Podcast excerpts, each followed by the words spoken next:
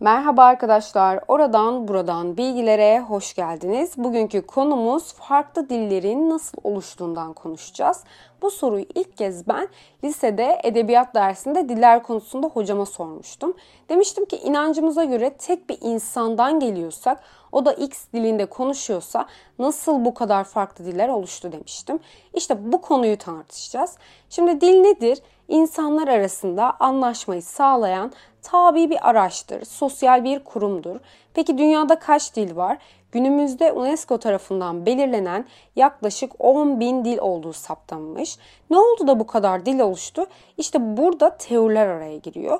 İlk olarak tanrısal teoriden bahsedeceğim. Yaratılış kitabında yazar ki başlangıçta dünyadaki bütün insanlar aynı dili konuşur, aynı sözleri kullanırdı. Doğuya göçerken Şinar bölgesinde bir ova bulup oraya yerleştiler. Birbirlerine gelin tuğla yapıp iyice pişirelim dediler. Taş yerine tuğla, harç yerine zif kullandılar. Sonra kendimize bir kent kuralım dediler. Göklere erişecek bir kule dikip ün salalım. Böylece yeryüzüne dağılmayız dediler. Rab insanların yaptığı kentle kuleyi görmek için aşağı indi. Tek bir halk olup aynı dili konuşarak bunu yapmaya başladıklarına göre düşündüklerini gerçekleştirecek hiçbir engel tanımayacaklar dedi. Gelin aşağı inip dillerini karıştıralım ki birbirlerini anlamasınlar. Böylece Rab onları yeryüzüne dağıtarak kentin yapımını durdurdu. Bu nedenle kente Babil adı verildi.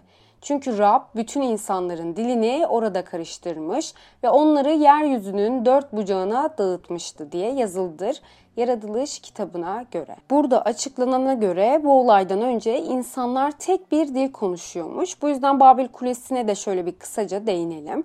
Akatça Babil Tanrı kapısı demektir. Sümer çivi yazılı bir belgeye göre de ilk Babil şehri Sümer şehridir. Akat İmparatoru Sargon'un bu şehri ele geçirip yıkmış. Daha sonra İmparator Sargon Babil şehrinden aldığı tanrı heykelleriyle birçok eseri Akat'ın yanına kurduğu yani Babil şehrine götürmüş. Ayrıca Tevrat'a göre de Babil Nuh tufanından sonra ilk kudretli adam olan Nemrut'un krallığının başladığı Sümer ülkesindeki dört şehirden biridir.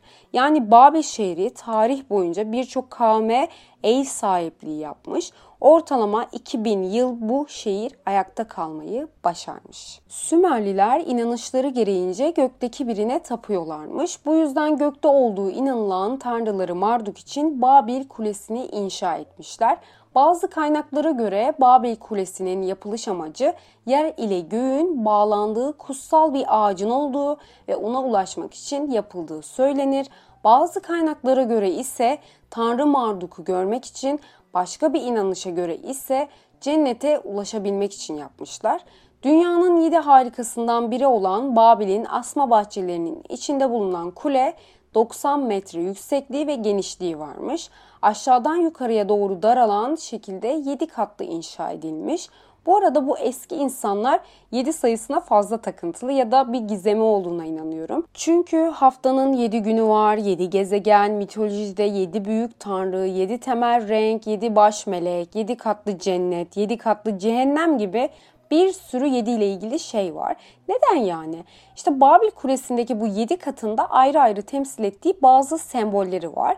Birinci katı taşı, ikinci kat ateşi, üçüncü kat bitkileri, dördüncü kat hayvanları, beşinci kat insanları, altıncı kat gökyüzünü, yedinci kat ise melekleri sembolize ediyormuş. Her katını öğrenen, anlayan insanlar sırasıyla yedi kat çıktığında Tanrı Marduk'a ulaşacaklarını düşünüyorlarmış. Çünkü Tanrı'nın heybetli görüntüsüne normal insanlar dayanamazmış. Bu yüzden halktan insanlar yalnızca birinci kata çıkarken daha yükseğe mesela yedinci kata rahipler çıkıyormuş. Aslında kule istenildiği gibi de tamamlanamamış. Tamamlanamamasına dair yorumlarına bakarsak o dönemde Babil'i işgal eden devletlerin işgal sırasında Babil Kulesi'ni de yıkmış olduğu söyleniliyor. Diğeri ise Babillerin cennete veya Tanrı'ya ulaşmak amaçlı kule yapmalarını gören Tanrı cennete kolay yoldan ulaşmamaları için inşaatı durdurmak istemiş. Bunun içinde en kesin yolun işçilerin kendi aralarında iletişim kuramaması olduğuna karar veren Tanrı o an binlerce işçinin her birine farklı dil bahşedip dünyanın başka taraflarına atmıştır. Babilliler cennete her ne kadar yaklaşsa da işçilerin arasında oluşan iletişimsizlikten çıkan anlaşmazlıktan kule tamamlanamamıştır. Fakat o işçilerin neslini hala devam ettiren binlerce dil ve milletler oluşmuş. Aslında incelediğimizde benzer bir sürü efsaneler var. Mesela Meksika'da Büyük Kuhololo piramidi varmış. Güneşi aramak ve gökyüzüne ulaşmak için kule inşa etmeye başlamışlar. Gök tanrısı ise kuleyi yok etmiş. Arizonal, Nepal, Yunan mitolojisinde de aynı muhabbetler geçiyor. Tek farkı dil olayı yok. Babil'in geçtiği edebiyatlara, yerlere bakarsak Yahudilerin eski eserlerinde Babil Kulesi'ni yaptıran Nemrut olduğunu ve Nemrut'un insanları Allah'tan uzaklaştırmaya çalışan bir zorba olduğunu yazmış. Tanrı da insanları yok etmek yerine onların kafasını karıştırmış. Çünkü tufan ile yok olmak onlara dindar olmayı öğretmemiş. Yunan Baruh Kıyameti kitabında ise şöyle geçiyor. Babil Kulesi'ni 463 arşın yüksekliğine kadar inşa ettiklerinde Rab onlara göründü ve konuşmalarını karıştırdı. Onlar da bir jilet alıp gökleri delmeye çalıştılar. Ve dediler ki bakalım gök kilden mi, pirinçten mi yoksa demirden mi yapılmış. Allah bunu görünce onlara izin vermedi. Onlara körlük ve konuşma karışıklığıyla cezalandırdı. Midraş yazılarına göre Midraş'ı hiç duymayanlar için şöyle açıklayabilirim.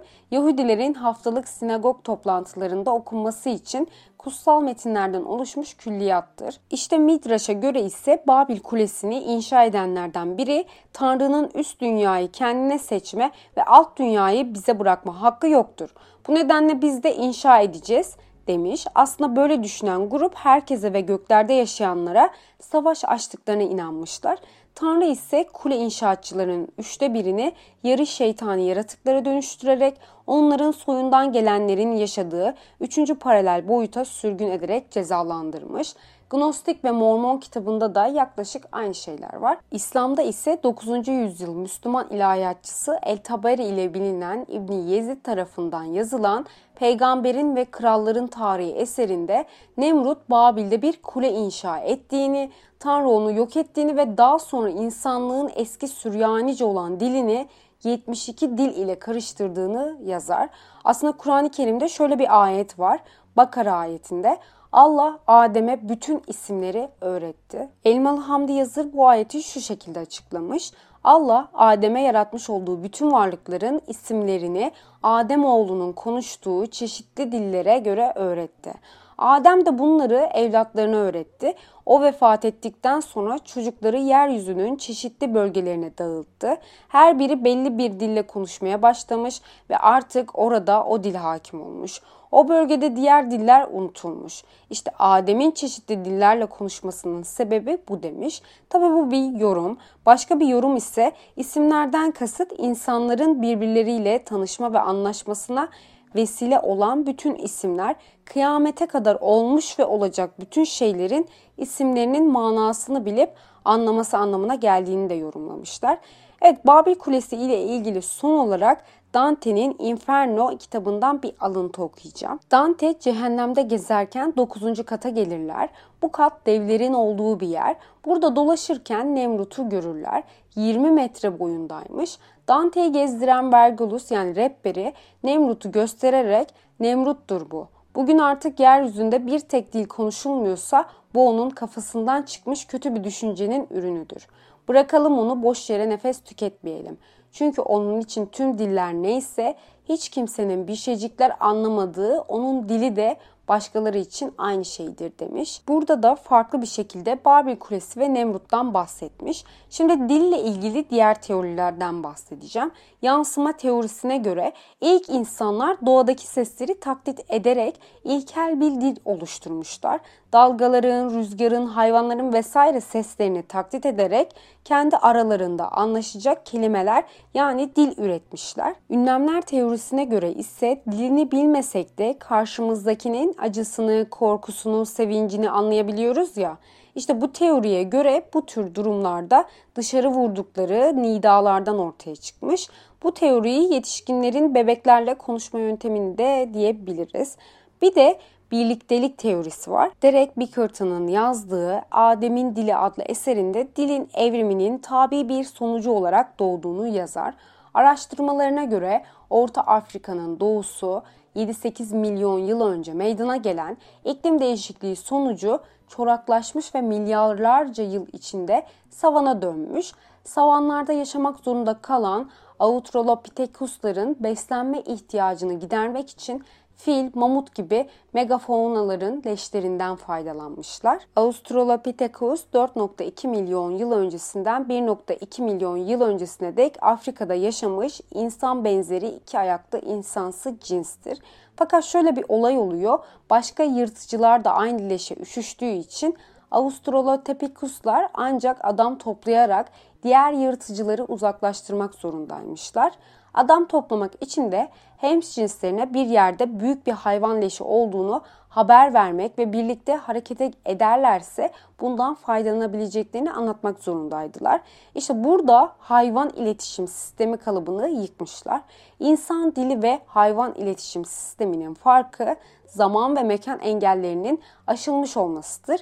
Yani geçmiş gelecekle ilgili atıf yapmışlar. Hayvan leşini ilk haber veren Australopithecus'un çıkardığı taklidi ses diyelim ki mamut ise henüz simgesel değil normal olarak.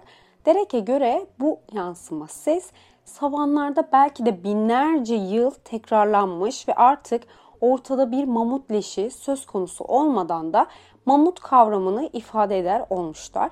Simgesel kelimeye doğru adım atılmıştır. Böylece hayvanlar ve çevresindeki diğer varlıklar hakkında beş duyuya dayanan bilgi ve hasıraları anlatmak üzere ilk kelimelerde ortaya çıkmış olmuş. Daha sonra fonosemantik olayı oluyor. R'ler, dudak sesleri ve uzun ünlüler oluşuyor. İnsan dilinin ilk kelimelerinin basit yapıda yani tek heceli olduğu düşünülüyor. Tabi bu basamaktan sonra kelimeler çoğaltılmış, sonra söz dilimi oluşmuş, çekim çıkmış, en son olarak da farklılaşma olmuş. Yani lehçelere ve dillere ayrılma. Kök dillerinin ayrılma sürecinde tıpkı evrimde olduğu gibi bazı teknikler köreltilmiş, bazı teknikler işletilmiş. Bunu şöyle düşünün. Canlıların evriminde birçok körelmiş organ örneği vardır. Mesela Darwin'in İnsanın Türeyişi kitabında ilkel diye nitelendirdiği organlar şunlar.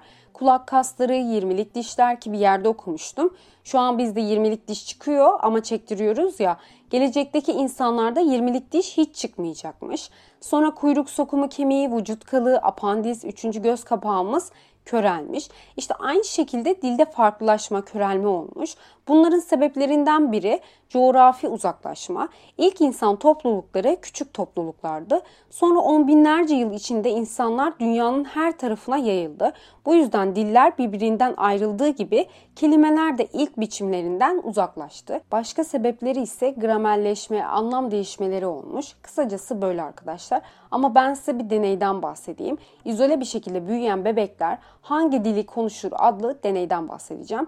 İlk örneği tarihçi Herodot vermiş. Milattan önce 600'lü yıllarda Mısır firavunu yeni doğan iki çocuğu ailesinden alıp bir çobana vermeyi emretmiş ve çobanın iki çocukla da konuşmasını yasaklamış.